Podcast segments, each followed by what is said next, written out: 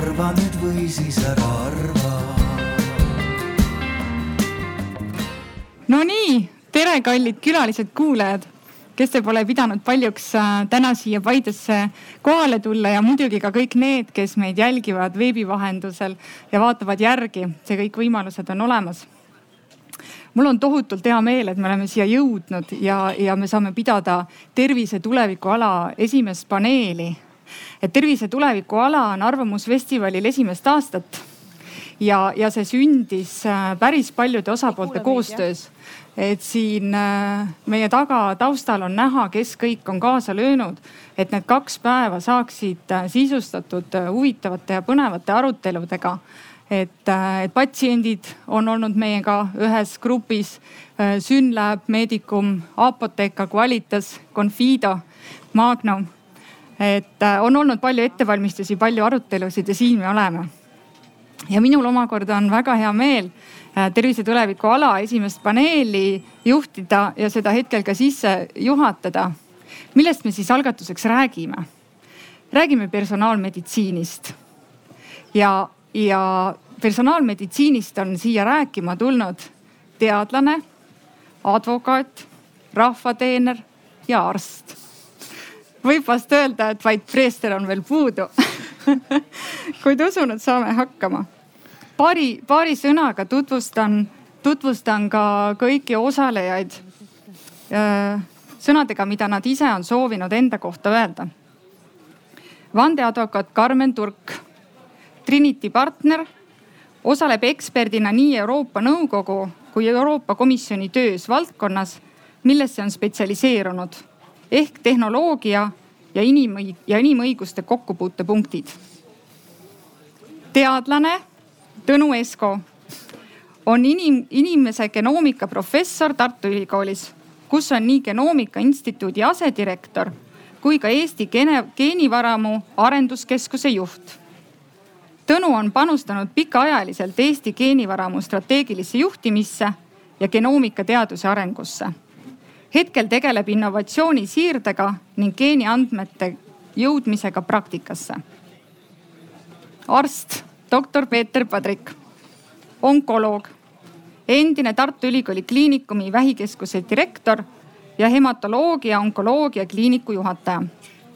praegu kliinikumi vanemarst ja õppejõud ja Tartu Ülikooli onkoloogia kaasprofessor. aga ka uuendusliku geeniinfot tervishoius kasutule too, kasutusele toova meditsiinilabori Antegeenes tegevjuht. rahvateener Kalle Killar on viimased kolm aastat töötanud Sotsiaalministeeriumi e-teenuste innovatsiooni asekantslerina, kelle vastutus ulatub riigieelarveliste ja välisvahendite planeerimisest kuni e-teenuste arendamiseni tervise, töö ja sotsiaalvallas. Eelnevas elus on Kalle töötanud nii erasektoris kui avalikus sektoris ning samuti rahvusvahelistes organisatsioonides nagu Euroopa Komisjonis Brüsselis ning Londonis panganduses. mina olen Mari Krass, olen proviisor ja Magnumi juhatuse liige. olen Magnumis olnud, võiks olla, öelda kogu oma teadlikku elu või vähemalt oma, oma tööelu nüüdseks juba üheksateist aastat. Personaalmeditsiiniga puutusin kokku mõned aastad tagasi oma teadustöö raames, kus uurisin, äh, uurisin mõjureid ja faktorid, mis mõjutavad ettevõtet, ettevõtluskeskkonda. töö käigus selgus, et tervishoiu valdkonnas hinnatakse suurimaks mõjuriks personaalmeditsiini. ja, ja see toob meid ka sujuvalt tänase teema juurde aga hakkame siis pihta. Tuhande kaheksasaja üheksakümne, tuhande kaheksasaja üheksakümne üheksandal aastal andis Saksa rohufirma Bayer nime ravimile, mis jõudis Guinessi, Guinessi rekordite raamatusse maailma enim kasutatud valuvaigistina. täna, sada kakskümmend kaks aastat hiljem, kasutame aspiriini täpselt samamoodi nagu alguses. kõigile inimestele samade vaevuste vastu ja samal meetodil kuid paradigma on muutumas. Uus sõna on kasutuses, personaalmeditsiin. aga mida see õigupoolest tähendab? küsisime inimestelt, kuidas nemad seda näevad. kui saab nüüd käivitada video. mis on sinu arust personaalmeditsiin? Äh, see on see, kui kogu sinu, äh, kui meditsiin koosneb mitmetest osadest, igasugused nagu füüsiline ja vaimne ja kõik see on personaalselt nagu hallatav ühe inimese poolt? No personaalne ravi, mis äh, põhimõtteliselt ravi, mis on kohandatud inimese järgi no ma arvan, et see on nagu, et nagu te toeta, et nagu toetamine üksteist. Inimese eripäradest, tema tervislikest seisundist, geneetilisest taustast ja kõigest sellest äh, lähtub meditsiin. see on see, kui inimene saab ise otsustada selle üle, mis äh, ta tervisest saab. Nonii, inimesed on rääkinud. väga sageli tõmmatakse võrdusmärk geeniandmete ja personaalmeditsiini vahele. Olen aru saanud, et tegelikult on geenid ainult pool tervisetõest. Tõnu, mis see teine pool on? see, et geenid on pool sellest tervisetõest tegelikult isegi on teaduslikult korrektne, sest ongi seisukohalt, et nii-öelda pool sellest, kes me oleme, mõjutavad geenid ja teine pool mõjutab keskkonda. ja ma arvan, et siin tervise puhul on ka, et mis see siis see keskkond on, et eks ta selline ühtepidi nagu elustiil ja ka see elukeskkond, kus me elame. ja, ja teistpidi siis see, et kui see noh, nii-öelda see haigus varases faasis või hilises faasis, kui ta tekib või areneb, et kuidas siis, mida sellega peale hakatakse, kas lihtsalt lastakse niisama olla ja oodatakse, kui läheks veel, veel, veel rohkem, süveneks haigus, et oleks põhjust seda ravida et ongi keskkond, kuidas me seda iganes äh, mõtestame. varasemalt läbi põetud haigused või need lähevad juba? ei, see on kõik, noh, keskkond ongi, ma ütlen, et kõik, kõik, kõik noh, ongi haigused, elustiil, ravi, noh, see elukeskkond, töökeskkond, vaimne keskkond, kõik see ja see kõik nagu kokku mõjutabki ka. ja ei ole üks ei ole olulisem kui teine. küll osade haiguste puhul jah, on see, et kui on see halvad geenid, siis on peaaegu sada protsenti kindel, et, et haigus tuleb. aga ma ütleks, et üheksakümmend viis protsenti haigustest on, see ei ole niimoodi. Väga hea, Kalle, kuidas riik personaalmeditsiini näeb, mismoodi tervishoius seda ette kujutatakse? Äh, ma, ma võtaksin kinni selle väikse tüdruku nagu seisukohast, mis mulle väga meeldis, et, et me toetame teineteist ja, ja mõeldes nagu selle personaalmeditsiini peale, et siis äh, äh, ilmselgelt seal äh, peab toetama inimest äh, tema tervisevalikute tegemisel äh,, andma talle siis nii-öelda võimaluse kasutada seda andmestikku, mis, mis meil olemas on ja, ja ka kasutada seda andmestikku, mis temal enda kohta on. ja, ja teine pool, et, et, et kes siis teda toetab, et, et, et toetavad arstid, toetavad teised tervishoiutöötajad ja, ja, ja, ja nendele samamoodi, et, et kuidas nad toetada saaksid, on, on see, et neil on see kõige targem info olemas äh, nii, nii geeniandmete, terviseandmete kui inimese enda kogutud andmete põhjal. Ja, ja kui sinna kõrvale nii-öelda targad tööriistad tekitada, mis juba osati on olemas, mis aitaksid arstil nii-öelda selle põhjal anda inimesele head nõu siis, siis tegelikult me olemegi peaaegu seal, et, et, et, et mõlemad pooled on, on heas inforuumis Äh, ja, ja, ja nad saavad üksteisest aru, äh, sest, sest ka inimene saab sellest murest aru ja, ja, ja edasiminevatest sammudest aru, nii et ma arvan, et see äh, üksteise toetamine personaalmeditsiini puhul on päris hea, päris hea väljend siin mm. -hmm, väga hea. Peeter, arstid on tegelikult ju alati inimesi personaalselt ravinud arsti vastuvõtt toimub kahekesi kabinetis personaalselt, analüüsid määratakse personaalselt, nõuanded antakse personaalselt, retsept kirjutatakse välja mulle personaalselt. millest me räägime, mis siis muutunud on? ja äh, et äh, ka arstidel on väga erinevaid arusaamu personaalmeditsiinist, aga tasapisi on ikkagi kujunenud välja selline noh, et kui me räägime personaalmeditsiinist, siis enam-vähem selline ühtne valdkond, äh, millest nagu aru saadakse. et personaalmeditsiin noh, nagu arsti poolt vaadates on patsiendi võimalikult paljude individuaalsete faktorite, aga ka tema haiguse faktorite arvestamine siis sellisteks parimateks diagnostika, ravi, aga ka ennetusotsusteks. nüüd äh, tegelikult ju mõeldes, siis tervishoid äh, kogu aeg on püüdnud täpselt niimoodi teha nagu personaalselt neid asju inimesele, kõiki neid faktoreid arvestades. ja sellepärast tegelikult ikkagi sisuliselt äh, saab tuua välja, et milles on nagu asja olemus, on ikkagi selle geneetilise informatsiooni juurdetoomine, mida varem sellisel kujul ei ole olnud äh, ei ole olnud selliseid tehnoloogiaid, mis praegu on ja siis ka selle geeniinfo interpretatsioon nüüd teisipidi tekib küsimus, et kas see personaalmeditsiin on midagi hoopis teistsugust kui see senine tavapärane meditsiin. ja mina ütleks selgelt ei ole, et see on sellise tavapärase meditsiini võib-olla täpsem edasiarendus.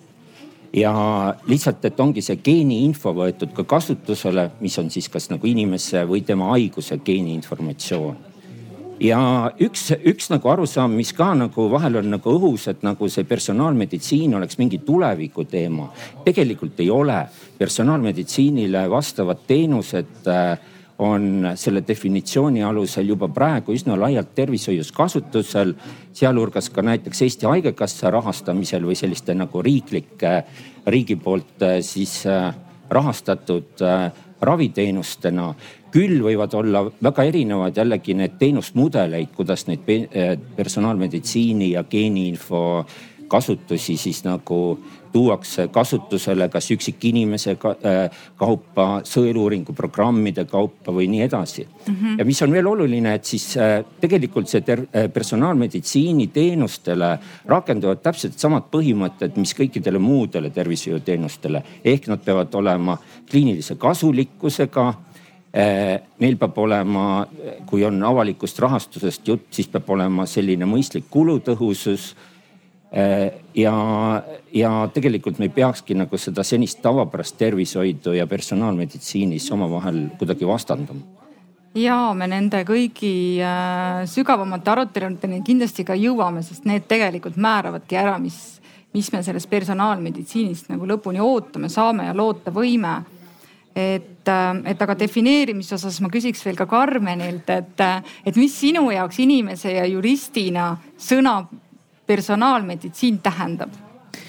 no e-, eks mina juristina hakkan vaatama seda ikkagi sellest hetkest, kui ta väljub sellest definitsioonist, mida arstid vaatlevad, et noh, mis täna, tänapäeval juba olemas on et ma arvan, see väike tüdruk oli nagu kullasalv seal videos, et üks asi, mis ta ütles ja teine, mis ta kandis et tal oli T-särgi peal ka one of a kind on ju, oli kirjas. see Minniga T-särk on ju. et ma arvan, et see on see, mis, mida nagu mina advokaadina vaatan, kus, kus mulle hakkab äh, huvi pakkuma rohkem, sest mina ei ole meditsiinitöötaja, mulle hakkabki huvi pakkuma sellest hetkest kui me kasutame seda mingi suurt andmestikku või mingit tehnoloogiat viisil, et me tahame näha inimest selle aspiriinitableti võtjana. et et äh, mitte see, et kuidas me seda kakskümmend aastat oleme kõik ühtemoodi seda võtnud, ühtemoodi selle kõrvalmõju siis tundnud või mitte tundnud, aga sellest hetkest, kui me rakendame tehnoloogia ja andmed viisil, et öelda, et oota, sulle me manustame teistmoodi. Et vaatame siis kas tablette või mingeid muid teenuseid või ka võtame meie enda viimased kaks aastat, et, et kuidas me tervishoiukriisis oleme riigina või siis ka erasektorina teatud asju teinud või otsustanud, et kui palju me suudame sellises massotsuses võtta arvesse üksikisikut. et ma arvan, minu jaoks personaalmeditsiin advokaadina hakkab huvi pakkuma sellest hetkest, äh, kui me hakkame, proovime vaadata siis massist üksikisikut ja teha seal siis äh, erineva otsuse. aga inimesena? ma arvan, inimesena täpselt sama tegelikult, et äh, inimese ja kodanikuna täpselt sama, et sellest hetkest, sest ega inimese ja kodanikuna täpselt nii nagu juba enne ka öeldi, et ega meditsiin on ju ka täna personaalne, meil ei ole impersonaalset meditsiini. ma tean, kes on mu perearst, mu perearst loodetavasti teab, kes on mina. et äh, ei ole impersonaalne, me teame, kes me oleme ja, ja kuidas, kuidas meie ajalood on aga sellest hetkest, kui ma ühiskonna liikmena tunnetan, et äh, otsuste, ühiskonda määravate otsuste puhul võetakse arvesse mind, sellest hetkest ma arvan ka inimesena hakkab mind see huvitama mm. -hmm. Mm -hmm. väga hea praegu käivad uue Eesti mängufilmi Kuulsuse narrid võtted. selle üks peategelastest, leiutaja Jaan Tatikas unistas kahest masinast. millest esimene nii maal, õhus kui ka vees sõita võib ja teine paekivist sealiha teeb.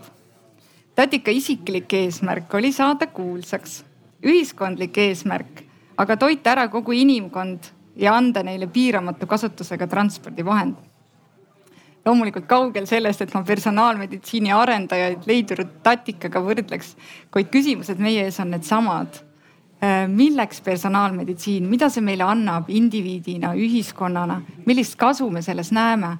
et, äh, et ma siin pöörduksin ka võib-olla algatuseks äh, Tõnu poole ja, ja, ja räägiksin just, käsitleksin seda teaduse fakti et, et ma saan aru, et tegelikult see suurte andmehulkade töötlemine, mis, mis on nagu väga suureks alusbaasiks personaalmeditsiini ja geeniteaduse arengule, et see sai võimalikuks umbes kümmekond aastat tagasi ehm, ja, ja kindlasti ta on oluliselt andnud hoogu, kümme aastat on olnud aega sättida suundi, kuhu poole liikuda, mida teha.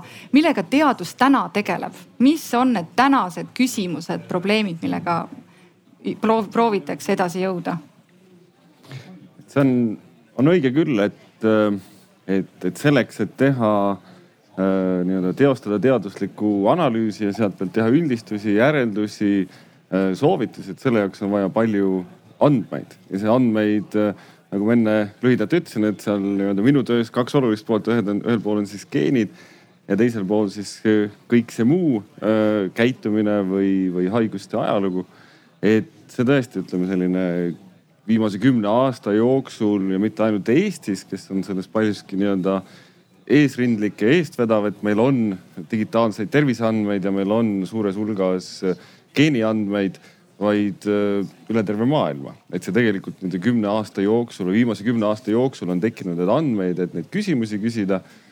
ja, ja kui tihti ma tean, et me jõuame selleni, aga et miks meil juba ei ole äh, Äh, näiteks need geenid rohkem tervishoidu integreeritud, on kaks põhjust. üks on see, et äh, tegelikult äh, ei ole või ei olnud andmeid, aga pigem on olulisem see, et ei olnud seda teaduslikku teadmist. et isegi kui meil olid need nii-öelda geneetilised profiilid olemas, meil ei olnud, ütleks isegi õrna aimugi, et, et noh, mida seda teha, et see raamat või see informatsioon on ikkagi tohutu, et see on kolm koma kolm miljardit äh, informatsiooniühikut ja hiljuti pidin välja arvutama, et see tegelikult on umbes tuhande piibli maht. ja see on ainult see tuhat piiblit, mis sa saad, ütleme emalt, teine tuhat piiblit tuleb isalt. ja no see on lihtsalt nii-öelda nagu metsik andmemaht. ja ma arvan, et kümme aastat tagasi meil oli, ütleks võib-olla kümme geneetilist mutatsiooni, mis oli seotud sellise tavalise haigusega. tänaseks päevaks on neid sada tuhat ja sellepärast me saamegi rääkida juba sellest, et, et kas ja kui palju sellest informatsioonist oleks võimalik rakendada äh, nii-öelda rahva hüvanguks. ma ei räägigi siin, kas see on, on see nii-öelda meditsiin või tervishoid, et pigem niimoodi laiemalt, et meil need andmed aitaks meil elada oma elu äh, paremini ja, ja see minu arust ongi see tuum seal selle, kas see personaalse meditsiini või selline personaalse lähenemisele Äh, tervishoiule, et ongi see, et oleks nagu andmetel põhinevad äh, otsused. ja kui tulla tagasi sinu küsimuse juurde, et mida siis teadlased teevad, et teadlased noh, teevadki seda, võtavad nii-öelda need andme, andmehulgad, andmemassiivid äh, ja üritavad neid mõtestada ja sealt leida seda teaduslikku teadmist, mille pealt saaks arendada või luua neid, neid soovitusi, teadmisi, võib-olla jõuda uute tõhusate, ohutute ravimiteni. aga noh, teadlased kindlasti ei ole need, kes siis peaks võtma selle või oleks vastutavad selle eest, et see teaduslik teadmine jõuaks juba ka inimeseni, et seal ongi siin need, siin ka lava peal nii-öelda need erinevate osapoolte esindajad, kellele tegelikult teadlased annavad selle teatepulga üle ja kusjuures see väga-väga oluline tegelikult teadvustada nagu endale ka, et tundub, et oo geeniteadlased, teadlased ja geenivaramu muudkui uurite seal hommikust õhtuni, et et aga kus on, kus on.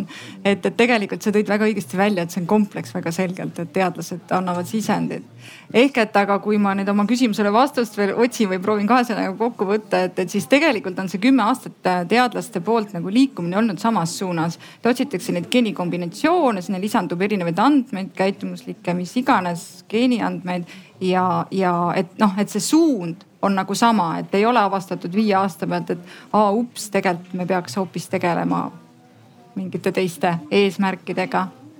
ei, see eesmärk on, ma ütleks, eesmärk on sama sellest hetkest alates, kui see geenivaramu kakskümmend aastat tagasi ellu kutsuti mm. -hmm. ja võib-olla jah, see tõdemus on ja see ei ole ainult nii-öelda nagu Eesti teadlaste tõdemus, vaid see ongi kogu selle genoomikateaduse tõdemus, et nii-öelda, et see inimene kui selline on ikkagi kordades keerukam kui, kui võiks või kui oli nagu arvata. Ja sellepärast, et see äh, ongi nii kaua võib-olla aega võtnud, aga teistpidi noh, jällegi mind hämmastab see, et kuidas nii-öelda sellises rahvusvahelises koostöös või üldse koostöös nii-öelda see hulk, mida on selle inimese genoomi kohta teada saadud, et see on lihtsalt äh, üüratu ja pöörane, et see ongi see, miks me noh, miks näiteks äh, tänasel päeval Peeter saab mõelda neid mõtteid, et kasutada seda suunatud, äh, suunatud ennetust või siis koos sotsiaalministeeriumi ja, ja Kalle meeskonnaga mõtleme viisidele, et kuidas need geneetiline andmestik saaks minna juba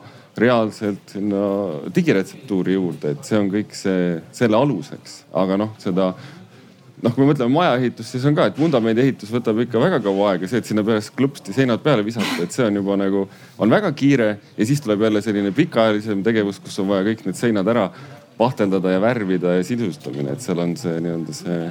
ma ütleks, et me praegu olemegi seal, noh, vundament on juba peaaegu paigas, seinad on püsti siis tuleb nii-öelda see peenhäälestus, mis võib võtta tegelikult ka päris kaua aega. Äh, Peeter, sina oledki olnud tegelikult väga aktiivne arst, kes on proovinud hakata juba kasutusele võtma neid võimalusi, mis meil, meil on olemas et oled oma, oma ettevõttega käima lükanud tegelikult väga tänuväärse algatuse, et, et pakkuda inimestele geneetilisi teste vähetekke, vähitekkeriskide hindamiseks äh,. olen ise antigeeneselt tellinud oma testi ja käisin ka teie kodulehel enne tänast paneeli kokku pane, pannes vaatamas ja leidsin sealt märke, et tegelikult on tegemist projektiga, äh, mis lõpeb järgmisel kuul. miks me projektitame äh,? Ma tahaks nüüd selle ümber lükata, ei ole tegemist projektiga, et meie ettevõte ongi see, mis nagu projektid peaks lõpetama ja tooma selle asja nagu päris ellu. meil on ainult see üks kampaania praegu, mis siis oli äh, üks tasuta test geenivaramu andmetel, see äh, praeguste plaanidega äh, peaks nüüd ka selle kuu lõpus lõppema, aga kõik kõik muu nagu nende testide tegemine ja rakendamine, kaasa arvatud geenivaramu andmete baasil, see jätkub. et see, et, et see ei ole meil sugugi nagu äh, lõppev projekt. nüüd äh, selle küsimuse nagu esimese osa juurde, et mida siis nagu inimesed tahavad, eks ole, personaalmeditsiinist, et siis äh, siis kui ma ise mõtlen, et no mida ma siis tahan sellest, et inimesena, mitte arstina.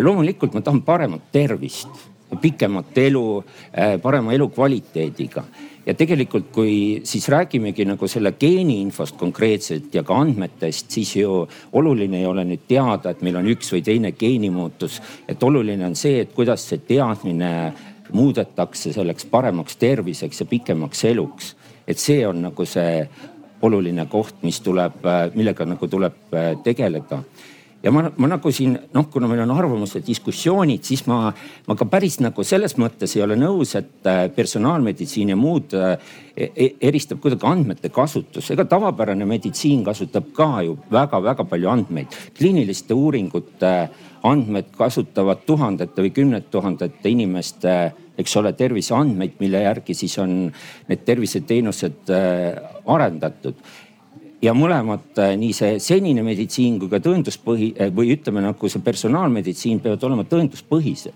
et peab olema näidatud teaduslikult see kasu äh, nendel teenustel, eks ole, et mida siis tervise heaks rakendatakse ja noh, meie eesmärk praegu ongi olnud see, et see geeniinfo tuua kasutusele niimoodi, et me teaduslikult saame põhjendada, et nüüd selle informatsiooni alusel teeme ühte või teistmoodi asju ja see tegelikult äh, vähendab meie haigusriske ja annab meile suurema tõenäosuse pikemaks ja paremaks eluks. see on selle asja mõte aga miks meil neid teenuseid ikkagi nii vähe on, et siin mõned aastad tagasi oli see süljetopsikute USA-sse saatmine hästi populaarne.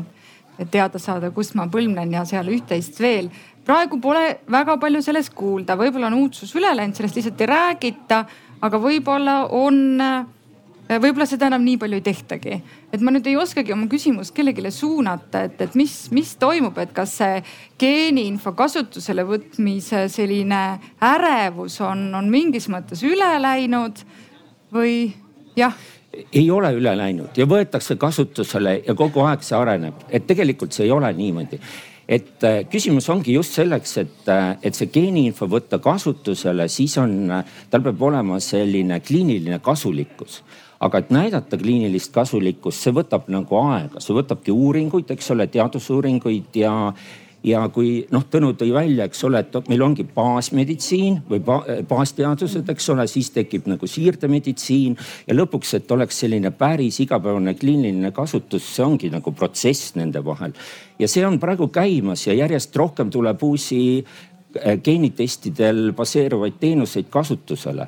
Et kui, no ma olen ka varem võrrelnud niimoodi, et kui kunagi tuli ajastu näiteks oma erialad, kui kõikidele kasvahaigetele tehti radioloogiline uuring, eks ole. kõikidele tehakse kompuutertomograafiat, magnetresonantstomograafiat. siis täna me oleme jõudnud sinna, kus äh, peaaegu kõikidele kasvahaigetele ühel või teisel kombel on võimalik rakendada geeniteste erineva geeniinfo kasutuseks siis, et, et see teha võimalikult head ravivalikud ja täpselt samaviisi on tegelikult meil tänapäeval juba olemas nagu konkreetsed teenused ja meetodid, et äh, tervetele inimestele geenid analüüsida läbi, eks ole anda nende teatud siis haiguste kohta ühte või teistsugused soovitused, mida teha ühtmoodi või teistmoodi. küsimus on ainult, et äh, kuidas seda, milliste mudelitega seda nüüd süsteemselt ühiskonnas rakendada noh, millega ka tegelikult sotsiaalministeerium tegeleb, eks ole, ja Tervisekassa ja, ja geenivaramu ja kõik, eks ole, et see ongi selline ühine tegevus. sest noh, indiviidi tasemel on võimalik tellida väga palju erinevaid geenianalüüse Äh, ja saada sealt tegelikult juba praegu olulist äh, noh informatsiooni. väga hea, Kalle käest ma kohe järgmise küsimuse küsin, aga ma sain äh, märguande, et publikus on küsimusi.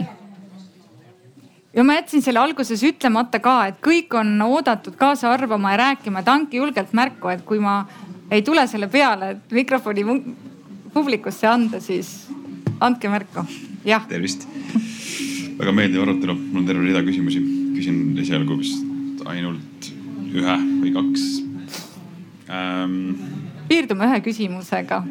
ainult ühe küsimusega, selge, siis küsin kõige raskema küsimuse äh,.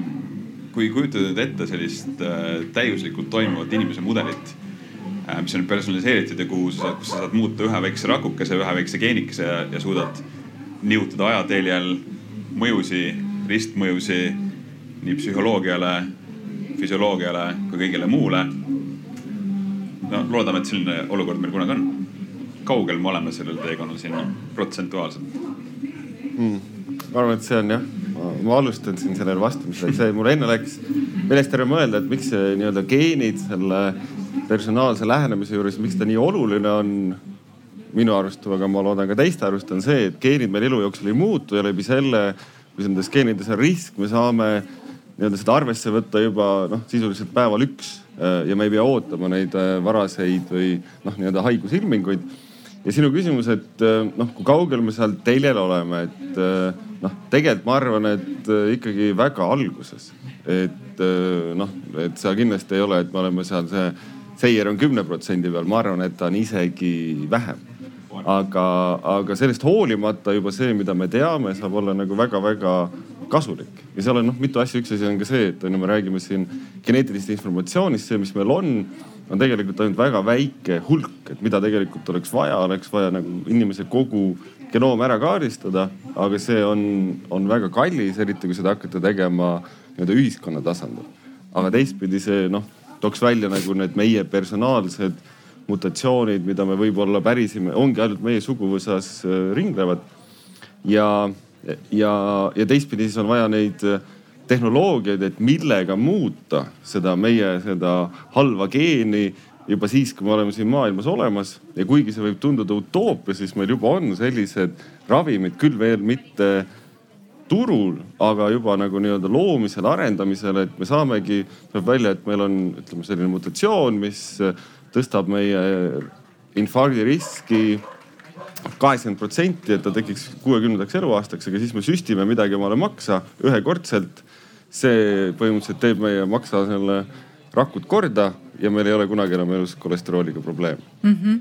et see on juba see tundub täielik nagu ulme ja noh, eks ta ongi ju nagu suhteliselt ulme, aga aga see tuleb Peeter soovis ka kommenteerida seda. ja, et see asi tegelikult on palju keerulisem. Äh, et äh, kui täpne olla teaduslikult, siis tegelikult ju ei ole niimoodi, et geenid meil ei muutu elu jooksul, muutuvad mm. küll. geenides tekivad elu jooksul rikked, et üks asi, see, mis on nagu meile kaasa sündinud geenid, eks ole.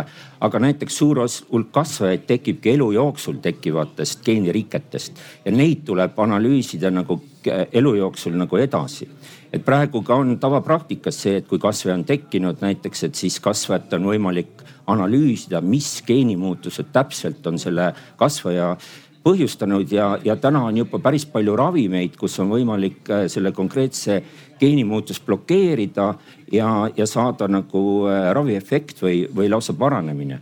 et see on tegelikult, äh, see tuleb järk-järgult aga iga see samm, eks ole, iga selle sammu juures, mis muudetakse, on jällegi see, et mis on selle eesmärk, milline on selline kasulikkus ja ka millised on eetilised aspektid selle juures.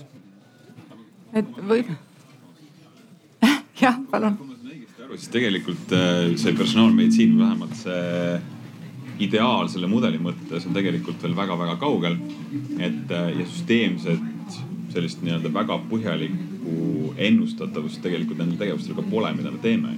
praegu, me... praegusel hetkel on tegemist nii-öelda väikse personaliseerimisnüanssiga ravil, mitte personaalse lähenemisega päris. et me selle ulme küsimuseni tegelikult jõuame ka, et see on üli, ülioluline, et neid fantaasiaid on ju lendanud igasuguseid, tekitanud hirmu ja tekitanud lootust.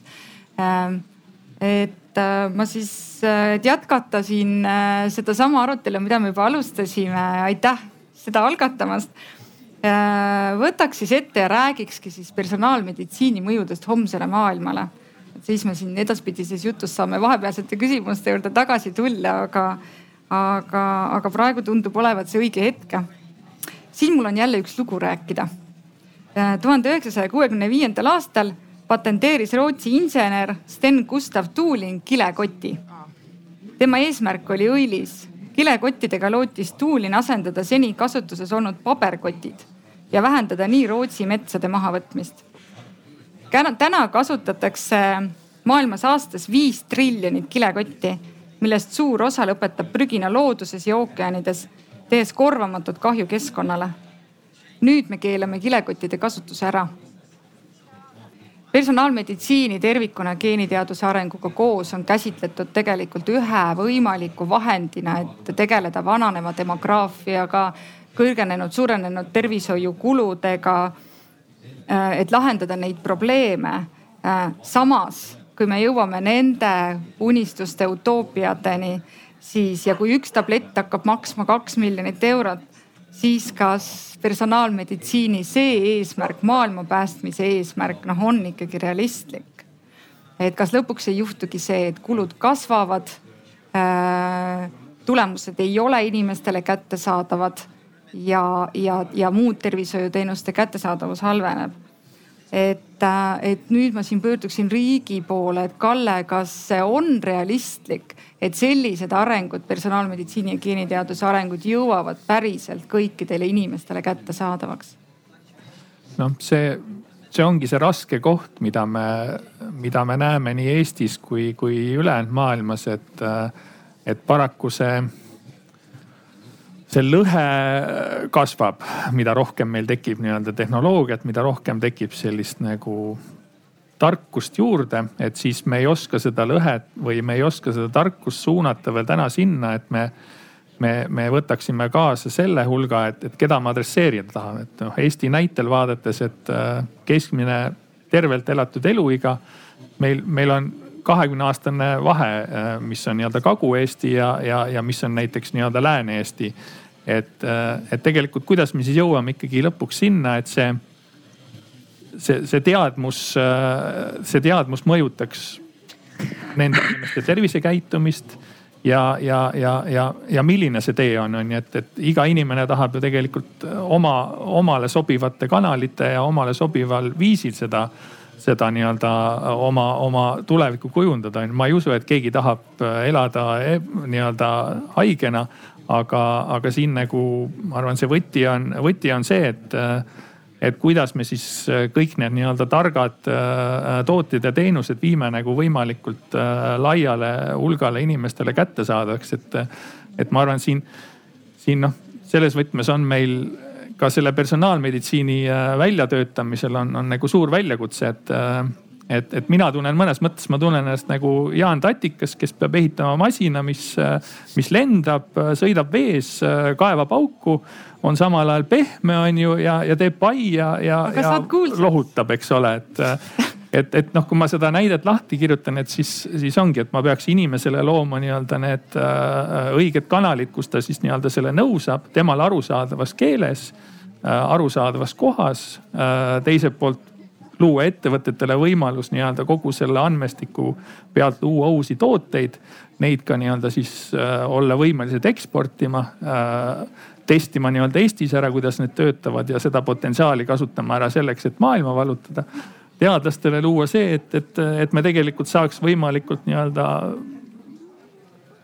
heal ja, ja, ja nii-öelda siis turvalisel viisil neid andmeid ühildada, et, et meil tekiks seal see edasine teadmus, mis omakorda jälle aitaks meil nii-öelda neid uusi noh, just neid pikaajalisi vaateid leida ja, ja samamoodi tegelikult, kuidas seda turvaliselt teha, et andmed oleks kaitstud.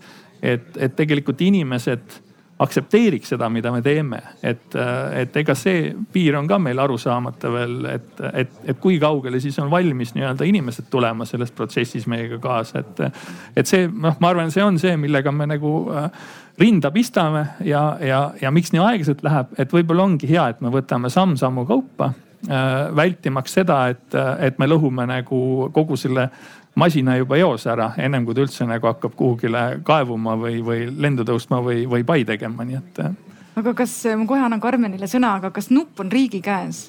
ja kas see peaks nii olema? see, mina ei saa öelda, et see riigi käes on see nupp, see on meie, see on meie ühine nagu töö, et, et ega me täna teeme seda ka, teeme, teeme ettevõtjatega koostöös, teeme teadlastega koostöös. meil on, noh, ongi täpselt, et andmekaitse aspektid on ju, et, et see on ühistöö, et see ei ole kindlasti see, et ministeerium on ja teeb, et et pigem, pigem peame me nagu olema targad, et kuidas me selle erinevad huvid, erinevad soovid toome selliselt kokku, et ta meil aitaks lõpuks inimest, on ju, keda me tahame äh, siia kaasa tuua. jah, Karmen ma arvan, võib-olla seesama, et äh, kuidas see inimene seda lõpuks tajub ja, ja, ja kus kohas inimene tõmbab selle piiri, et, et ükstapuha, kui hea on see eesmärk, siis äh, mingist hetkest minu jaoks või patsiendi jaoks läheb üle piiri, et ma arvan, see vastab küsimusele, mille sina enne natukene kuidagi möödaminnes esitasid, et, et mis vahepeal juhtus, et vahepeal hästi saadeti neid äh, asju, on ju siin Ameerikas, ühel hetkel vaatad, et enam väga ei saadeta, et ja. mis siis juhtus, et et ma väidan, et, et see on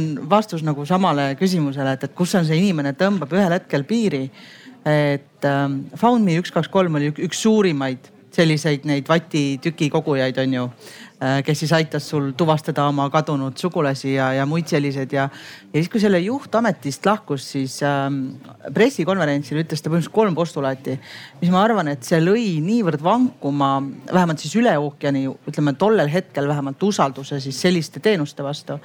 Et äh, üks, üks postulaat oli see, et kuulge inimesed et, et üheksakümmend üheksa koma üheksa protsenti oleme me kõik samad ma arvan, seda äh, kinnitab äh, ka teadussuund mu kõrval siin et. et üheksakümmend üheksa koma üheksa protsenti me oleme kõik samad, et ainult see null koma üks protsent ja see on see, mis sa paned sinna vatipulgale ja saadad kellelegi teisele ära. see on kõik, mis sa oled selles ühes äh, vatitükis.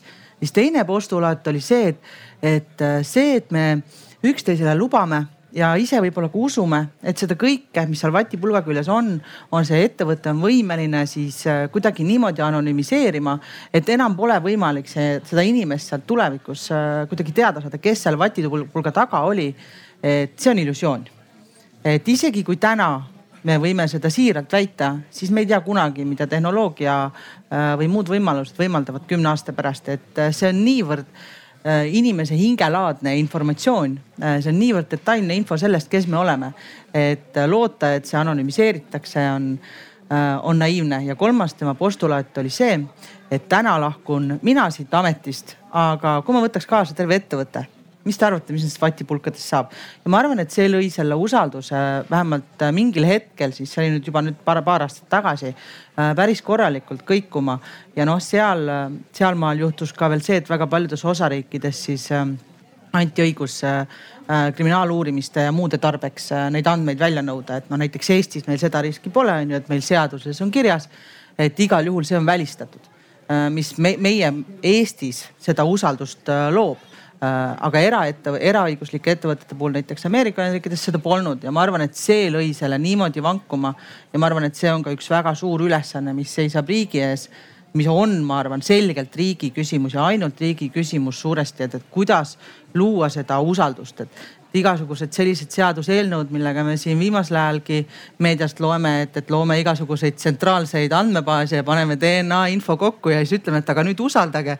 et me loome teile siis isesõitva, ise kaevava, ujuva, lendava, pai tegeva masina, kes teid, teist hoolib ja ja, ja tõesti teist hoolib, noh, need kaks asja lihtsalt nagu parem ja vasak käsi ei, ei tööta nagu väga koostöös no jaa, väga nõus, et ega see orwelliku maailma teke on ju tegelikult selle kogu selle asja nii-öelda tume pool, et et, et kah, et kas me peame seda kartma, kas see juhtub salaja, kas see juhtub avalikult. et kas me ühel hommikul ärgates ei avasta ennast äh, totalitaristlikus ühiskonnas demokraatia sildi all, kuid andmete kogumid on nii äh, ihaldusväärsed, et neid tahaks võtta kasutusse.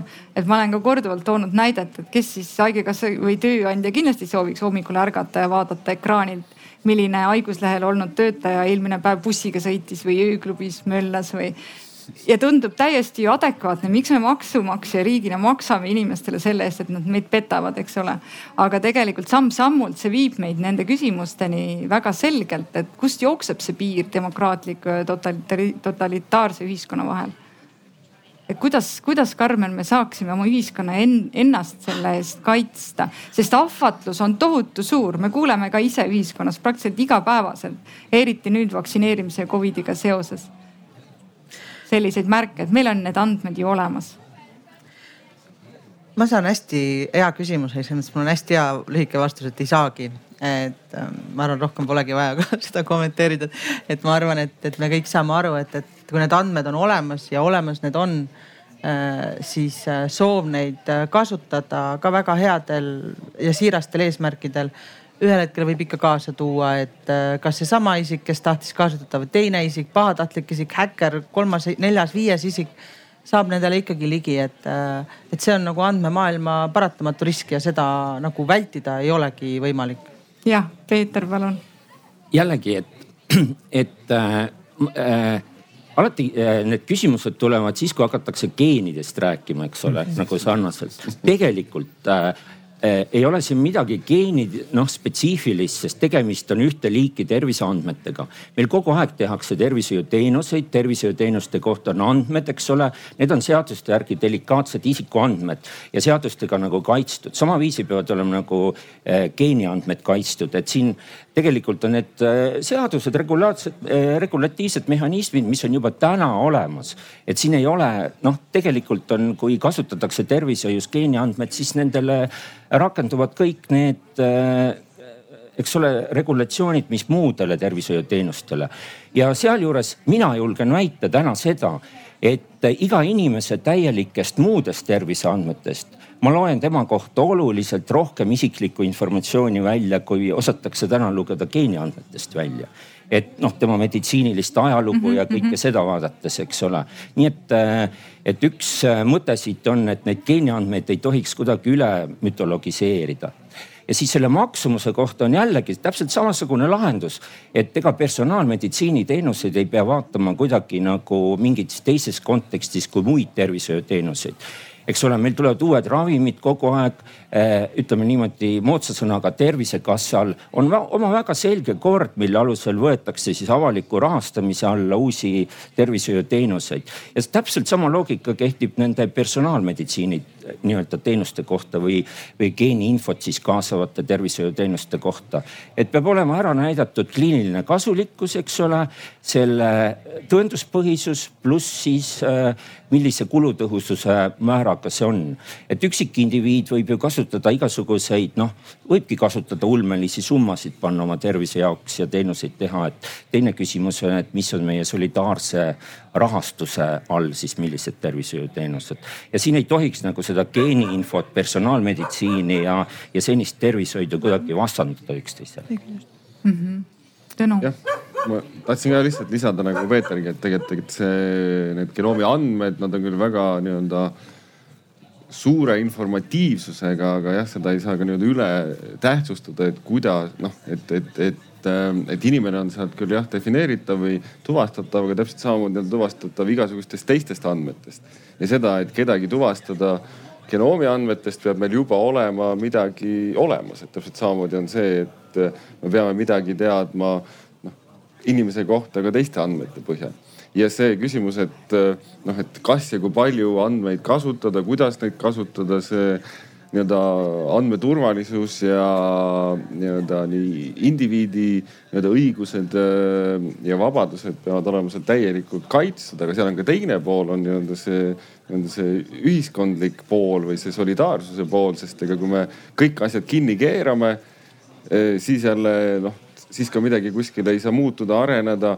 meile väga meeldib see, et nüüd me saame lihtsalt viipame, viipame kaardiga ja, ja maksame, et ei ole isegi vaja mingit klahvi kuskile rääkida, ammugi, et me peame seda mündikukrut kaasas vedama. aga see on ju ka jälle see, see on see usaldus, et me usaldame seda süsteemi, mis tegelikult lihtsalt äh, võtab selle kiibi pealt selle andmed äh, ja samas isegi noh, seda koodi peame panema ainult seal mingi aja tagant, ehk siis see on ka nagu usaldus selle süsteemi vastu, et ehk siis, äh, mis ma tahan nagu öelda, on see, et me peame looma süsteemi, äh, seadused, regulatsioonid, seisukohad, et see kontroll lihtsalt ei lähe Lähe käest ära, ära.. just, et see ongi nii-öelda ka ühiskondlik mm -hmm. vastutus, mitte lihtsalt see, et on ju riik peab vastutama. meie, meie kodanikena peame hoidma no, silmad lahti ja mõtlema ja kaaluma alati, et noh, ühtepidi on tore kõik kinni keerata, aga teistpidi on ju, me tahame ka neid teenuseid ja maailm läheks, muutuks paremaks. ega ta niisama lihtsalt ei muutu, et sellega tuleb tööd teha eks balanss tuleb leida, aga Kalle soovis lisada. ahah, jaa, palun, küsimus publikust. oodake, oodake üks hetk, kohe saate mikrofoni ka. palun. oi, ma ei oskagi. no mina olen üheksakümne aastane inimene, elanud väga tervislikult ja, ja olen tundnud rõõmu tervisest. aga teate, kedagi ei unustata, nii et surm on ikkagi kõigil ole sa, kes sa tahad. Ja nüüd see eutanaasia küsimus on mind väga eh, eh, puudutanud, sest eh, kujutate ette, tervishoiusüsteemis on kogu aeg rahanappus ja miks, kui inimene enam geenide põhjal ja kõigil on ära või ära kulutanud ennast ja see kulutamine toimub ju, ega see keegi eitada ei saa, kas välim või ükskõik mille mõistus ja kõik hakkab kaduma. Nii et, aga on veel aeg küsida, miks Eestis ei, eutanaasia küsimus ei lähe läbi.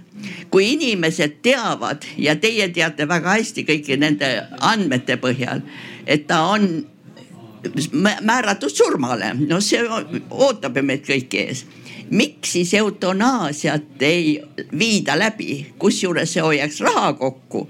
inimese piinu, näete koerale alastatakse, kui koer on väga haige, siis tehakse talle süst ja ka inimest keegi mitte keegi ei jalasta inimesele äh,. meil ei ole. ja, ja väga... küll, ma saan aru, aga kui mul veel mõistus on, ma ei ole veel dementne ja, aga mul kere on tagant ära. no mik- ja ma pean olema torude küljes ja ma ei taha Aru seda. miks mu lõpp peab olema kole kui ma minu enda tahe, ma kirjutan, et palun, nüüd on lõpp mu ilusal elul. just, et aitäh ja... küsimuse eest, et see pole küll meie teema, aga ma annan paar kiireks, kiireks kommentaariks äh, sõna äh, Peetrile. ma ütlen enda vaate puhtalt sellele asjale, et äh, tavaliselt sellistes situatsioonides me lihtsalt ei tea, kas nüüd on kõik tehtud elu jaoks või ei ole. ja siis see surmaotsus äh, võib olla väga ekslik. me teame väga palju nagu arstidena olukordi, kus on öeldud inimesele, et nüüd on kõik läbi ja tegelikult on võimalik talle leida eks ole, täiendavat ravi või, või teisi meetodeid ja sellepärast on see eutanaasia otsus selline noh väga-väga keeruline ja ei ole veel sinna sellisesse praktikasse jõudnud. see on minu vaade sellele praegu. ei, ärme eutanaasia teemaga palun edasi läheme. ja, ja, ja ja selge, palun, meil oli küsimus publikust veel. et äh, suured tänud väga vahva diskussiooni eest, et äh, mina olen perearst Diana Ingerainen ja, ja meie tööd puudutab muidugi väga kõik see, mis toimub nüüd äh, geeni, geeniteaduses ja mulle endale tundub, et kui siin toodi, et peaks tekkima mingid väga keerulised regulatsioonid, et kuidas siis peaks sel, nende andmetega käituma ja selle teadmisega käituma, siis mulle tundub, et me peame tegelikult hoopis oma inimestele rohkem rääkima, mis asi see on, mis võimalused see on.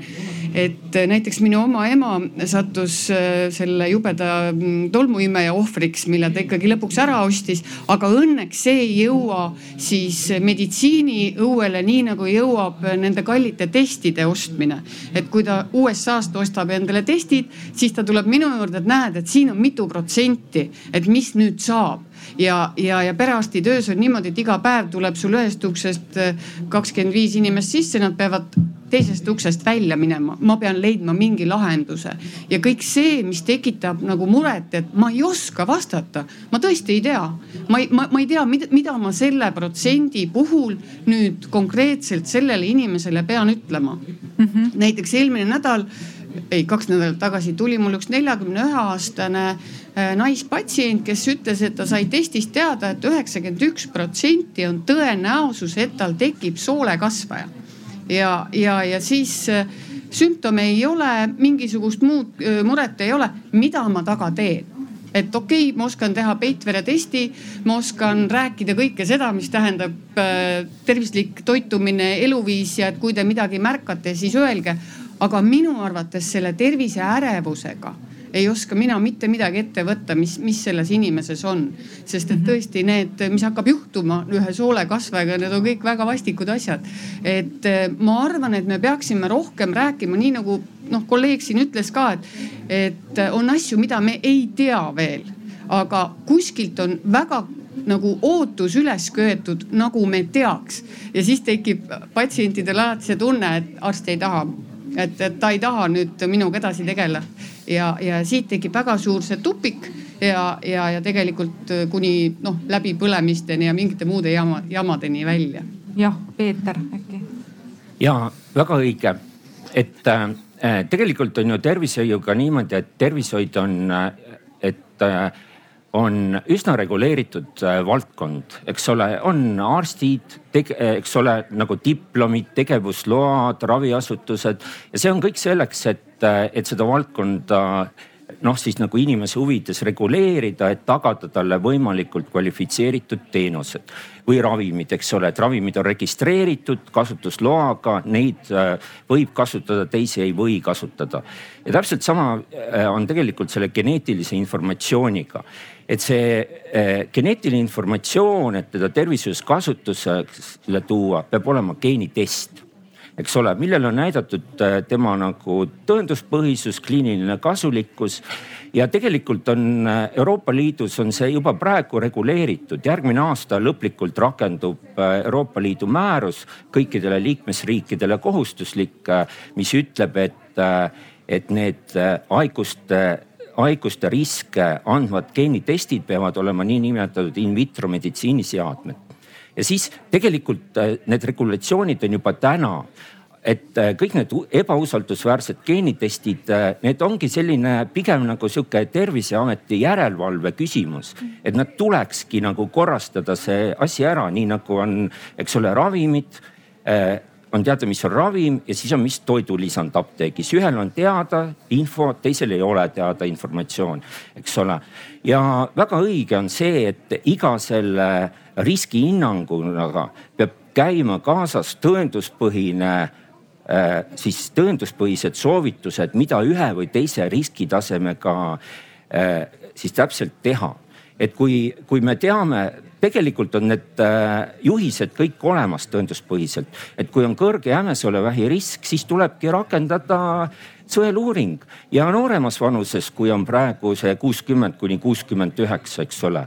meil oli, kui me räägime, noh, meil on iga päev on see Covid teemaks, eks ole. Covidiga oli eelmine aasta kakssada üks surmajuhtu Eestis, jämesolevähiga oli nelisada seitsekümmend surmajuhtu. mina tahan ütelda seda, et äh, personaliseeritud sõeluuringuga põhimõtteliselt on jämesole vähk elimineeritav haigus tulevikus. kui mõelda neid meetodeid, eks ole, peitveretestid, koloskoopiad, eh, vähieelsete seisundite eemaldamine ja siin tuleb tegelikult just see geeniinfo äh, appi. et, äh, et määratleda need, kellel on see kõrge riskitase ja, ja nendele siis rakendada need sõeluuringud juba nooremas eas mm. -hmm. väga hea, Karmen, soovisid ka kommenteerida nii palju, et, et äh, ma arvan, et hästi-hästi relevantne probleem on seesama see terviseärevus, äh, mida teki, tekitab äh, mitte riik ega meie tervishoiusüsteem, aga paljuski kõik need võimalikud ja, ja väga toretsevad ja mõnikord väga ilusad ja mõnusad teenused, mida me ümber enda näeme, mis ei ole tingimata tervishoiuteenused.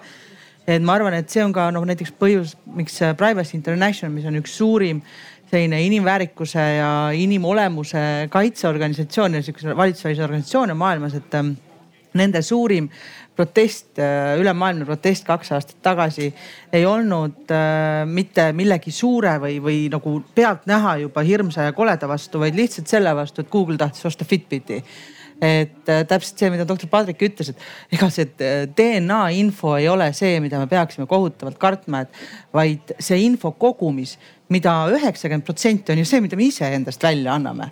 Äh, mida me ise kirjutame oma sõpradele, paneme sotsiaalmeediasse, otsime Google'ist on ju, et mul kõht valutab, noh kõik see info kokku ja nüüd, kui see lihtsalt see probleem ju tekibki sellest, et selle info kogunemine väheste kätte, mis ei ole tingimata riik on ju, mis mhm. on siis era, erasektorist, et, et kui see info sellest, mida inimene on otsinud viimase kolmekümne aasta jooksul, kus ta käinud on, kes ta sõbrad on, mida ta piltidelt vaatab ja mida ta ostab ja paneme veel juurde, on ju reaalajas äh, südamerütmi ja, ja muud sellised, et, et äh, siis need teenused, mis sealt välja tulevad, ma arvan ka, et, et oma ohu või riskihinnanguna on palju suuremad kui, kui see info, mida hoitakse Tartu Ülikooli kuskil seifis on ju kolme inimese pideva järelevalve all.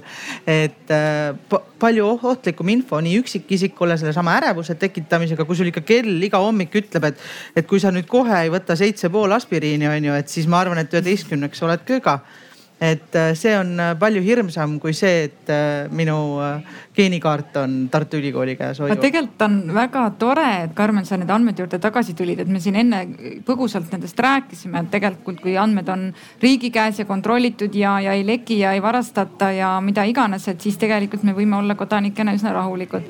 samas, mis me näeme iga, igapäevaselt maailmas, tohutu andmete jaht, tohutu soov neid saada, toota kahjuks ka varastada, et andmesõda, andmehulkade, kelle kätte need koonduvad, sellel on võim, et see tegelikult ju toimub et, et mis siis selle taga on või kas me võime tõesti arvata, et see suur himu andmete järgi tegelikult ei ohusta ei indiviidi ega isik ega ühiskonda? Äh, ma arvan, et see küsimus tegelikult ei ole geeniandmete spetsiifiline, see on ju täpselt äh, palju laiem andmete küsimus ja nüüd, kui mõelda, eks ole, meil siin oli nendest düstoopiatest alguses juttu ja, ja, äh, ja mis äh, ja kuidas nagu siis riik, äh, mida siis riik teeb, eks ole. Et tegelikult, kui mõelda Eesti tervishoiusüsteemi, siis Eesti tervishoiusüsteemis on, süsteem on praegu selline, et, et ega riik ei osuta tervishoiuteenuseid tervishoiusüsteem on eraõiguslik, meil on, eks ole, sihtasutused, MTÜ-d, eh, osaühingud, aktsiaseltsid, kes osutavad tervishoiuteenuseid ja see ongi hea mudel. Eh, ja sest kui me mõtleme, siis minu meelest riik peaks olema see, kes reguleerib ja kontrollib. ja mõnes mõttes tema peaks nagu tagama selle, et on üksikisikute kaitse, eks ole, et düstoopiad ei tekiks ja siis need äh, erastruktuurid, keda riik kontrollib oma regulatsioonidega, need saavad teha neid teenuseid, eks ole. aga kujutame ette, et kui nüüd riik ise võtab kõik need andmed ja kõik teenused ja temaga midagi juhtub, tuleb äh, autokraatia näiteks, kes siis meid kaitseb? et äh, minu meelest on palju parem see mudel, kus, kus riik seab reeglid, eks ole, ja, ja seadused ja siis era, eraõiguslikud struktuurid osutavad tervishoiuteenuseid, kaasa arvatud siis see tervishoiu nagu andmete hoidmine ja välditakse sellise, kuidas ma ütlen, riigi otsese kontrolli all oleva mingi arvutusmehhanismi teket, eks ole, kes hakkab meie kohta meie andmete alusel kõike arvutama, et see on palju ohtlikum tee kui, kui, äh, kui teistmoodi mudel. aga inimene ise, aga inimene ise? riik peab tagama selle, et inimene ise saab alati keelata oma andmete kasutuse. praegu meil ju tegelikult see andmekaitseseadus selline on eks ole, et andmete koguja peab näitama, milleks kasutatakse ja selleks peab olema inimese äh, nõusolek et tegelikult ju see regulatsioonid on praegu kõik selle jaoks nagu olemas.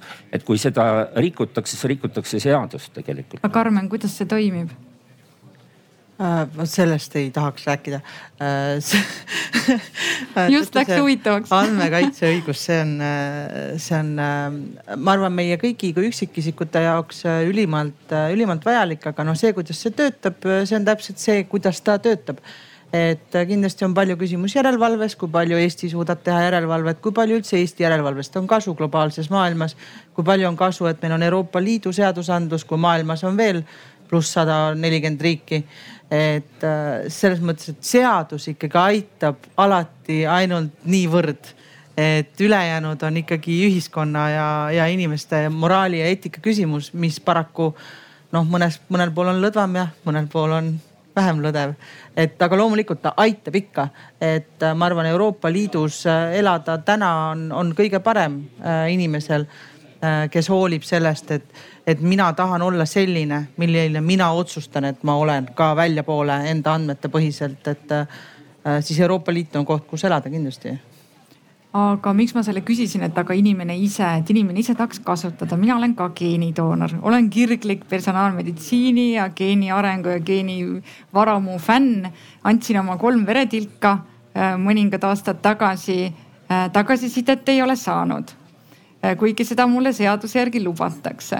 et veidike intrigeeriv küsimus, ma saan sellest aru küll aga, aga seda ma tegelikult tõstatada, seda intriigi soovingi, et, et kus siin tulevad mängu nüüd see äh, inimese, inimese enda otsustusvabadus. et ma tegelikult arvan, et seda geeniraportit, mille tühja ankeeti ma olen näinud, ma suudaks inimesena lugeda küll ja saaks võib-olla midagi aru ka Äh, miks ei anta inimestele neid andmeid kasvõi elementaarsel kujul tagasi?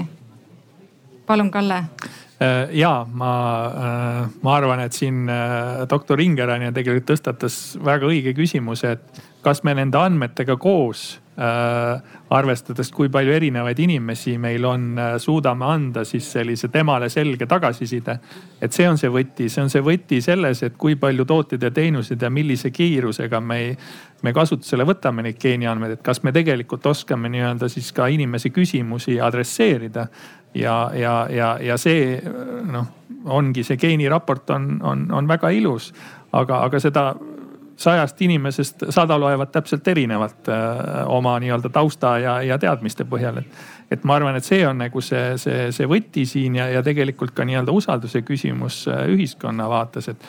et ma arvan, et ma nõustun sellega, et Euroopas meil on hästi nii-öelda andmete kaitsega ja ma arvan, Eestis on seni äh, kolm korda üle suletades on, on, on ka väga hästi, sest, sest me, me lähtume sellest, et meil on ajusalt andmed paigutatud me ei, me ei kogu keskele andmeid kokku. Äh, meil on andmekasutus jälgitud, inimene saab näha, kes ja kus ta andmeid kasutab, on ju.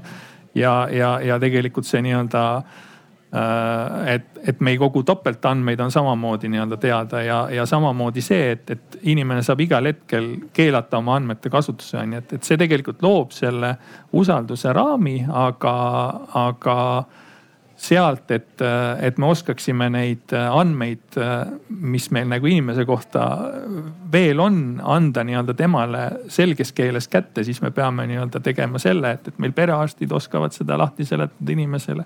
tõenäoliselt ka laiemalt, et vajadusel sotsiaalsüsteem oskab nii-öelda seda seletada lahti, on ju. et meil on vaja just seda tuge inimesele, on ju, et, et me ei saa arvestada ainult nende üksikute nagu fanaatiliste geeni, geenifännidega, et kes tegelikult oskavad sealt lugeda, me peame arvestama, et meil terve ühiskond oskaks seda nagu ilma, ilma siis ärevusse sattumiseta ja, ja, ja, ja siis võib-olla nii-öelda jah, pikemas vaates hoopis negatiivset kahju toovana on ju, et. no ja eks ta natuke on seesama ja ma ühe repliigi ja siis annan kohe sõna Tõnule ja Peetrile, et tegelikult natuke seesama teema, et nõukogude ajal ei öeldud inimesele, et sul on vähk, sest äkki ta läheb jube närvi. et, et lihtsalt repliigi korras, aga Tõnu, sa soovisid sõna? ei, ma tahtsin jah öelda lihtsalt seda, nagu ma juba enne alguses ütlesin, et et see nii-öelda on, on osa protsessist, et, et nii-öelda teadlased ei saa anda seda informatsiooni, sest see informatsioon on hästi äh, mitmetasandiline, keeruline ja, ja lõpuks ka see, et on ju, kui on kakssada tuhat inimest ja on võib-olla kolm inimest, kes oskavad seda informatsiooni inimestele anda, et siis võib ise arvutada, et kui kaua see võtab, kui üks sessioon võiks kesta pool tundi. et nagu läbi arutada kõik need küsimused, mis inimestel, inimestel on aga, aga üks aspekt, äh, mida me ei ole nagu puudutanud, aga mis on ka väga oluline ja oluline mõista, on see, et see teadmine ei ole veel lõplik. ehk siis, et, et, et, et see, mis võib-olla see teadmine tänasel päeval, et vot see mutatsioon või see geneetiline skoor on, on nagu halb ja midagi peaks tegema. kui homme tuleb äh, uus ja suurem uuring või see lükatakse ümber, siis see informatsioon võib muutuda. et, äh, et meie nii-öelda patsiendina või või ühiskonnana või selle inimesena, kes saab selle raporti kätte, peab ka seda nii-öelda aspekti seal nii-öelda mõistma ja kaaluma, ehk siis see ei pruugi olla nagu lõplik ja, ja see on ka oma, omaette selline keeruline, äh, keeruline äh, tahk. no kindlasti. palun, Peeter. ja ma natuke tahaks äh, selgitada kogu seda valdkonda, et äh, tegelikult äh, Äh, nagu me enne rääkisime, on selle geeniinfo ja tervishoiuteenuste andmisega, eks ole, erinevaid probleeme, kliiniline kasulikkus, äh, kõiksugu regulatsioonid, andmekaitse ja nii edasi. ja tegelikult on, äh, kui me räägime nüüd personaalmeditsiinist, siis on tegemist tervishoiuteenustega. Tartu Ülikool ja ka geenivaramu tegelikult ei ole tervishoiuteenuste osutaja. Tartu Ülikool on teadusasutus, eks ole, teadusõppe Eh, kultuuriasutus eh, ja Tartu Ülikooli funktsioon ei olegi osutada tervishoiuteenuseid. ehk ma väidan seda, et praeguste Euroopa ja Eesti regulatsioonide järgi geenivaramu ei saagi anda tervishoiuteenuste tasemel seda geneetilist informatsiooni. et selleks ongi vajalikud eh, selle nende geeniinformatsiooni arendamine geenitestideks, mis võetakse siis kasutusele vastavalt tervishoiusüsteemi loogikatele. meil on palju geeniteste kasutusel ja, ja geenivaramu põhimõtteliselt on lihtsalt üks võimalik andmeallikas nendele nendele geenitestidele, eks ole, need geeniandmed, mis geenivaramus on. meie oleme ka nii teinud, et need, kes, eks ole, et eh, on küsinud oma andmed geenivaramust, laadinud üles. Antegeenes on tervishoiuteenuste osutaja ametlikul, eh, ametlik meditsiinilabor. meie geenitestid on registreeritud Terviseametis meditsiiniseadmetega. et see ongi nagu see geeniinfo kasutusele toomine tervishoius vastavalt praegustele õiguslikele regulatsioonidele, eks ole ja äh, nüüd edasi on lihtsalt küsimus selles, et kuidas nagu see info süsteemselt siis võtta, võtta nagu kasutusele et tegelikult, kui me räägime siin praegu nagu nendest esimestest teenustest, mis nagu riigil plaanis on, see tegemist on selliste sõeluuringutega põhimõtteliselt. ja seda saab väga erinevalt lahene, lahendada. et äh, ka praegused sõeluuringute programmid on võetud kasutusele niimoodi, et, äh, et on tehtud programm ja teenuseid pakuvad eri tervishoiuteenuste osutajad. Eh, mina näen, et samaviisi peaks ka tulevikus olema see, eh, selle personaalmeditsiini teenuste rakendamine niimoodi, et eh, riik ei peaks ise arvutama kellegi geneetilisi riske, eks ole. et vaid seda peavad tervishoiuasutused tegema Mm -hmm. et see on, läheb nagu loogikasse kogu tervishoiukorralduse sellise loogika ja seadusandlusega mm. -hmm. väga hea, kell tiksub halastamatu kiirusega minu meelest meil on olnud tohutu huvitav ja mul on hea meel näha, et äh, publik ei ole lahkunud. Vist mitte keegi ei ole vahepeal ära läinud, järelikult me suutsime huvitavalt nendest teemadest rääkida. Äh, see on nii lai valdkond, loomulikult see personaalmeditsiin meil tuli siin geeniteadusest tugevalt sisse. Äh, ja seda ei ole võimalik tunni aja jooksul avada, samas ma arvan, et me hästi paljusid äh, olulisi äh, aspekte puudutasime ja saame nende üle veel edasi rääkida ja ongi vaja ühiskonnas nende teemade üle edasi arutada. ma annaksin paariks küsimuseks sõna veel publikusse ja, ja, ja siis jah küsige, siis ta läheb lai, äh, siia neile, kes kus vaatavad. on selles, äh, kogu selles protsessis on patsiendi esindused. et me näeme geneetikuid, me näeme teadlaseid, me näeme riiki, aga me ei näe patsienti, me jälle teeme midagi kellelegi, aga meil ei ole kaasatud ükski patsiendiorganisatsioon, kellel on geenihaigused näiteks. et noh, lihtsalt äh, me teeme jälle, noh, meil on kõik valdkonnad sellised, et me teeme mingisugustele patsientidele midagi ja me ei kaasa mitte kunagi, mitte kuskil ei ole välja arvatud insult, ei ole kaasatud patsiendiorganisatsioonid. kus Väga on selles teekonnas patsient? riik, palun, Kalle. kas töörühmas on patsientide esindaja? personaalmeditsiini töörühmas? no vot, siin ongi, et, et meie jaoks on ka see peamine mure, et kuidas me saame laiapõhjalise nii-öelda patsientide esindatuse, et, et ma arvan, siin meie jaoks sellised võtmekohad on, on need, et, et, et mis teenuseid, kellele me välja töötame ja teine, et milliseid kanaleid pidi, et, et me me enam-vähem tajume ära selle, et äh, kuidasmoodi siis erinevaid nii-öelda ühiskonnagruppe, mitte ainult nii-öelda patsiendi vaatest kaasata nii-öelda tulevase terviseportaali väljatöötamisse. aga kuidas me nii-öelda jõuame seal nende valikuteni, et äh, et, et millised peaksid nii-öelda olema need teenused, mida me teeme ja, ja kuidas me siis erinevad patsiendigrupid sinna kaasame. see on väljakutse, ma tunnistan ausalt, et, et see on see, millega me, me, me päris hästi ei ole hakkama saanud. Mina võin veel lisada, et meie oleme nagu oma patsientide osas teinud äh, tagasiside küsimused ja noh, sest alati on küsimus, et kes mind siis esindab, eks ole, ikka ise ja, ja, ja miks mitte arutada ka patsiendiorganisatsioonidega läbi. et me oleme oma kõikide klientidele saatnud tagasiside ja võtame seda väga tõsiselt arvesse, mis me neilt oleme saanud. tegelikult on see kõige olulisem üldse. absoluutselt. väga nõus. teine küsimus oli ka veel äh, publikust. vabandust, ma küsin siis kaks küsimust. tähendab praegu ühe küsimuse et ähm, ma selle vestluse algusest kuidagi kuulsin, et personaalne meditsiin justkui nagu mingil kujul eksisteerib äh, kuskil ähm,. ja, ja mul on endal selline probleem, et ma olen käinud tegelikult selles samas Confidos põhimõtteliselt nõudmas personaalmeditsiini ja, ja haiguste ennetamise plaani. ma olen öelnud, et näed, selline, selline inimene selline vanusegrupp, sellised riskid, sellised kõik asjad, palun mõõtke, tehke, mis tahate, andke mulle plaan, toitumine, vaimne tervis, kõik muud asjad, et ma oleks samas või paremas seisukorras ka neljakümne aasta pärast. tükk aega vaatasid mind, ütlesid, ei ole olemas sellist asja, ei oska, ei tea, ei noh, ei suuda aidata. Tõnu, kas sinna läheb aega veel, mitu aastat? no sinna läheb, noh, see ongi jälle see, et noh. siis kui kõik on kaardistatud no ühtepidi kõik on kaardistatud, aga see ei ole ainult nii-öelda nagu noh, ma ütlesin, geenid on ainult nii-öelda pool sellest. Ja, ja see ongi nii-öelda see, ega lõpuks on see, et on nii-öelda, ega see võtmesõna ongi nii-öelda see tervislik eluviis, eluviis, et sa ja lihtsalt on see, et kuidas sa seda tagad ja võib-olla see tervislik eluviis tähendab nii-öelda lähtuvalt su geenidest erinevaid asju, noh, aga, aga eelkõige ju kõik taandub sellele, et sul on nii-öelda nii-öelda stressitase peab olema võimalikult madal ja, ja üldjuhul on nii-öelda suitsetamine on no-no ja, ja kehakaal peab olema korras ja tegelikult noh, see ongi lihtsalt on see, et, et kui, aga see on nii-öelda pool sellest, aga kui on näiteks inimesel on nii-öelda väga halb mutatsioon, siis ei ole vahet, kui, mis on kehakaal või kui palju ta jookseb, on ju see, see seda riski ei, ei maanda. Ja seal on see, et kus on võib-olla vaja seda meditsiinilist sekkumist on ju läbi medikamentoorse või nii-öelda sellise süvajälgimise nagu siin soolevähi. ma kommenteerin ka, et et Ameerikas on sarnaseid firmasid tehtud ja küsimus on lihtsalt nagu ärimudelis. et kas on piisavalt palju inimesi, kes sellise teenuse vastu huvi tunnevad ja nõus sellega kinni maksma? sest ega no ütleme nagu riiklik meditsiin sellel kombel, eks ole, ei toimeta veel.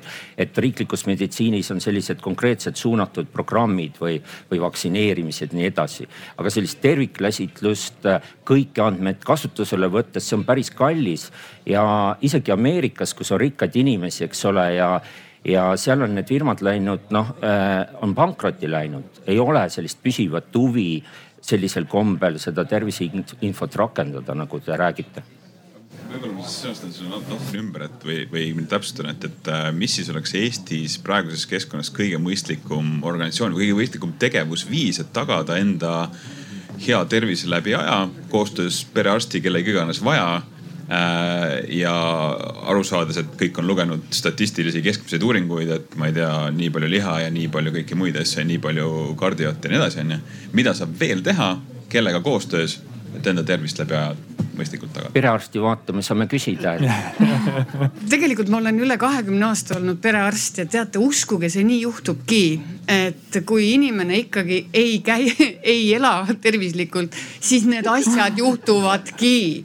ja, ja, ja see, mida meie nagu soovitame, et need tervislikud eluviisid ja me, me, me päris personaalselt inimestega räägime juba aastakümneid. ja, ja, ja palju nad nüüd võtavad seda kuulda, et mina ootan pigem seda masinat, et kui patsient astub sisse, et milline ajukoht tal parasjagu aktiivne on, et kas tal on motivatsiooni selleks või ei ole. et meie töö on nii nagu kogu aeg sa puhuksid seemneid eh, pihu pealt, et kas täna läheb kasvama või ei lähe. et küsimus on selles, et kuidas inimene ise oma elu juhib. meie oleme ainult partnerid ja saame anda nõu. et äh, Sama. tegelikult täiskasvanud inimestel me ikkagi otsime neid riskitegureid üles ja proovime neid maandada no. aga et..., aga jah, midagi targemat kui see igav jutt, see söömine liikumine, no, no ei ole aga ma soovitan väga lugeda äh, rohelist raamatut, valget raamatut, kus on üsna heas kirjas Eestis kokku lepitud, et mis see tervislik eluviis võiks olla? nojah, et eks mingis mõttes ju see personaalmeditsiin ja geenikaardid ja ongi selle personaalse motivatsiooni suurendamiseks ka, et kui ma saan ikkagi teada, et mul on südame-veresoonkonna haiguste risk üheksakümmend, palun väga, et eks ma saan siis aga võib-olla mul geneetiliselt ikkagi ei ole, aga võib-olla ma uusi teemasid tõesti aeg jookseb ja teema on nii põnev, et tuleb, tuleks sinna uusi, uusi asju, et et proovime kokku tõmmata ja mul on veel viimane ülesanne panelistidele. et kui te peaksite ütlema ühe asja, mida homme peaks tegema selleks, et inimesed hakkaks tundma, et personaalmeditsiin on olemas ja tegelikult see kakskümmend aastat kestnud teaduse areng juba võiks minuni jõuda, ma, ma leian, et ma juba võiks midagi saada, et mis see asi oleks? kas lähme järjest? Peeter, palun. ja onkoloogina ma vaatan meie vähistatistikat ja andmeid ja need äh, pisarad tulevad välja. Ja ma näen kogu aeg nagu ka arstina neid haigeid, kes minuni jõuavad, eks ole, nagu levinud kasvajatega ja, ja kui raske on siis see ravi ja tegelikult samas me teame, et ennetusprogrammid äh, võimaldaks seda asja teha oluliselt paremaks. ma ei ütleks mitte homme, aga täna tuleks sõeluuringute programmid panna paremini tööle ja paralleelselt sellega personaliseeritud individuaalsete riskihinnangute geenitestide alusel. ja meil on väga head õppetunnid ka selles osas minu meelest praegu Covidi vaktsineerimisest, mis näitab seda, et ühtemoodi mudelid kõikidele ei sobi et, äh, et äh, sõeluuringutes on meil ka praegu niimoodi, me teame näiteks rinnavähki suri meil kakssada viiskümmend kuus inimest eelmine aasta äh, kui varaselt avastada, siis on võimalik haigus välja ravida. rinnavähi sõeluuring vähendab rinnavähki suremusriski kakskümmend kuni nelikümmend protsenti vaatame statistikat, eelmine aasta käis umbes pooled naised, kes kutsuti ja see on ka ainult üks vanusegrupp, eks ole. ja jällegi analoogia vaktsineerimisega, et need kanalid tuleks panna nagu hoopis teisiti tööle, et ei oleks nagu üks mudel sõeluuringutes, vaid oleks perearstid kaasatud eh,, erasektor kaasatud, oleks apteegid kaasatud, eks ole, sõeluuringutesse inimese kaasamisel. sama on Jämesole vähiga, eks ole, kus on statistikanumbrid, arvad nagu me teame, me tegelikult geenitestide alusel saame juba täna nagu neid individuaalset riski hinnata, anda täpsemad soovitused. Eh, praegune sõeluuring on kuuskümmend kuni kuuskümmend üheksa, osaleb alla poole meestest, veidi üle poole naistest, eks ole. jällegi vaatame numbreid, need on väga halvad et iga päev me räägime Covidist, ma olen ka varem ütlenud, et tegelikult on meil permanentne vähi äh, pandeemia mis toimub, arvud on palju suuremad, aga see platoo on kuskil palju kõrgemal kui Covidi korral, eks ole, mida me, et see oleks vaja nagu suhteliselt ruttu ikkagi eh, noh, ma ei tahaks rääkida tulevikust, vaid siin on meil meetmed olemas, paneme nagu täna või, või järgmine aasta need asjad tööle. väga hea, palun, Kalle ja ma mõtlesin siin paralleeli peale, et, et kuidas Eestis turvavööd hakati kasutama, et üks, üks väga suur põhjus oli see, et lapsed hakkasid tagaistmel karjuma. et pane turvavöö peale, muidu me ei sõida kuhugile, et, et tegelikult sealt on täpselt see, et et kui me investeerime oma laste nagu äh, teadlikkusse ja, ja arusaamisesse, et mis see tervis on, kuidas seda hoida, siis äh, käituvad nemad niimoodi ja mõjutavad oma nii-öelda vanemaid äh, ja, ja vanavanemaid seda ka tegema. ehk et teavitustöö lasteaedades, koolides, väga hea. Karmen ähm, ma ikkagi kuidagi jäin nagu meie sellesse paneeli teemasse, teemasse kinni, et me rääkisime kuidagi hästi palju ka nagu andmetest, et ähm, ja see DNA andmed, et ma arvan ka, et, et ühiskonnana me peaksime lõpetama nagu sellise väga kohutava ja pideva muretsemise sellepärast, et ja loomulikult andmekadu võib äh, ühe inimese elu väga selgelt mõjutada, et võtame eelmine aasta Singapuris neljateist tuhande inimesega HIV-positiivsete andmebaas äh, pandi müüki. noh, loomulikult see mõjutab iga jumala inimese elu sellest neljateistkümnest tuhandest, et äh, või see, kui Läti ilukliiniku fotod enne ja pärast fotod koos nimedega läksid Facebooki. Äh, rinnad enne, rinnad pärast Riina on ju. et loomulikult see selle Riina elu mõjutab noh fundamentaalselt, eks ju, eriti kui veel tal mees ka ei teadnud näiteks on ju või naine. Et, äh, et selles mõttes andmed on suur osa meie elust, aga ma arvan, et mida, mida, mis täna või homme, mida me ühiskonnana peaksime nõudma iseendilt, oma erasektorilt, oma riigilt on, on see, et, et kui tulevad järjest rohkem algoritmilised lahendused selleks, et siis sellest massist leida seda ühte inimest, kellele personaalselt läheneda ja kuidas läheneda. et kui see noh, ongi see nutikell ütleb sulle, et mine nüüd liduma, et äh, siis seal oodata ja nõuda äh, nii sellelt toote müüjalt, toote-teenuse pakkujalt kui ka riigilt, et me see just nimelt see järelevalve, nagu ka enne öeldi, et ega muu ei ole, et lõpuks on ju riigi poolt, me tahame ainult seda järelevalvet, me tahame riigi poolt suuniseid ja reegleid, mille me ühiselt kokku lepime, kaasates ka patsiendid on ju, mille reeglid, mille me ühiselt kokku lepime. nüüd me tahame, et keegi oleks sunnijõuga ja peaks nagu nende reeglite jõustamisel silma peal et, et see, kuidas tulevikus see tehnoloogia, mitte need andmed niivõrd, kuigi andmed on suur osa sellest, vaid kuidas see tehnoloogiat me lubame iseendi ellu äh, enda oma ligimese, oma lähedase ellu, milline see tehnoloogia olema peab, ma arvan, see on see, mida me võiksime nagu homme peaksime äh, mõtlema, et mis on need hinnangud või mis on need nõuded sellisele teenusele. väga hea, aitäh, Tõnu.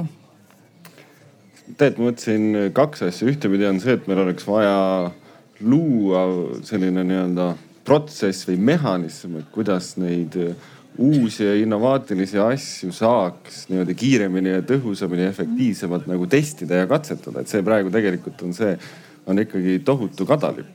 et just nii-öelda nii regulatoorselt kui ka võib-olla nii-öelda protsesside põhiliselt ja võib-olla ka nii-öelda selle tervishoiuteenuse pakkuja seisukohalt, et ei oldagi võib-olla üldse huvitatud, et seda, seda personaalset innovaatilist toodet või teenust äh, Äh, kodanikule tuua. et noh, et isegi kui on nii-öelda teadlane või ettevõtja, kellel on väga hea idee, Eestis noh, praktiliselt võimatu jõuda sellega äh, patsiendini.